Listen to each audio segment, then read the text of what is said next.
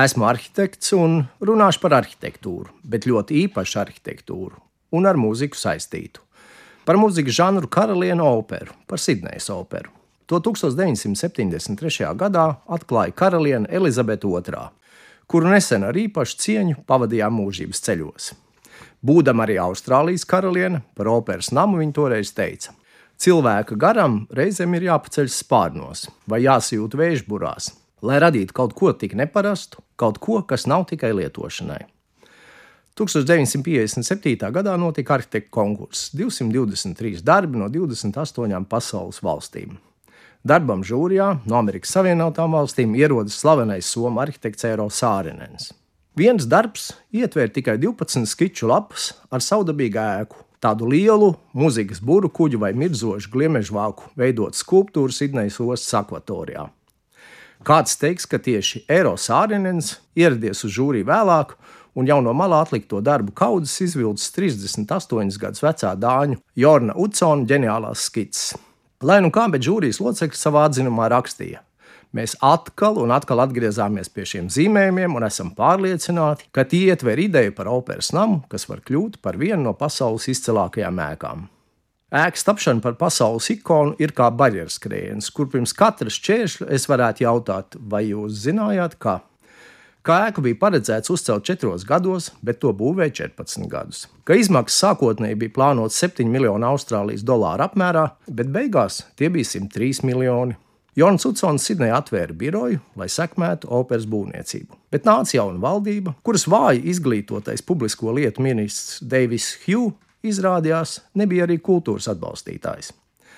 Pašmāju viduvējība pret ārvalstu ģēniju. Tā konfliktu par operas termiņiem, projektu kvalitāti un izmaksām raksturoja prese. Tika apstrīdēta Utsona spēja vadīt projektu. 1966. gadā Utsons uzteica darbu un no Sidnejas aizbrauca. Rasējuma ieslēgšana, autora īsa saruna ar ministru, durvis aizcērtot, emocijas, nu īsta drāma. 1973. gadā ēkas arhitekts patiešām nebija klāta operas atklāšanā, un viņa vārds netika minēts nevienā atklāšanas runā.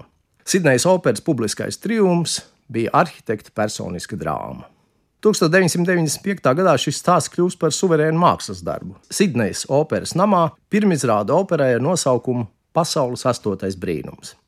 Bet pirmais muzikālais priekšnesums Sidnejas operā bija jau 1960. gadā, kad Pols Robsons uz būves sastatnēm strādniekiem dziedāja Old Man River par Mississippi. 2000. gadā operas siluets ir arī Sidnejas Olimpisko spēļu simbols.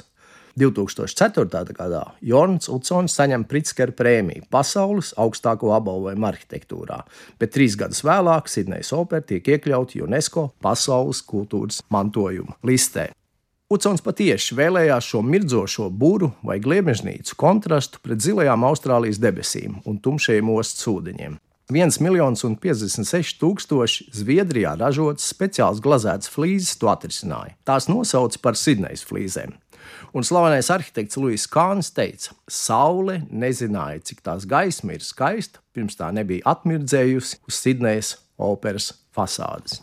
Vai zinājāt, ka Sidnejas operai vistuvāko moderno ēku ir projektējis izcilais latviešu arhitekts Austrālijā Andrejs Andersons, kurš dzimis Rīgā, un viņa vectēvs Alfreds Andersons bija Rīgas pilsētas mērs 20. gados.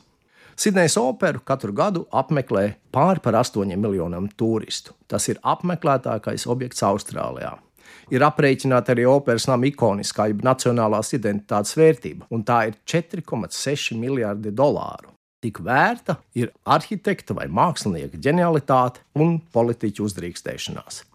Operas 40 gadu svinību sakarā 2013. gadā Sidnejā kā svinību patroni ieradās Dānijas kroņprinces Frederiks un princese Mērija. Izlīkšana par strīdu ar dāņu arhitektu tika nokārtota karaliskā līmenī, bet Jons Utsons jau kopš 2008. gada to visu vēro no debesu augstumiem.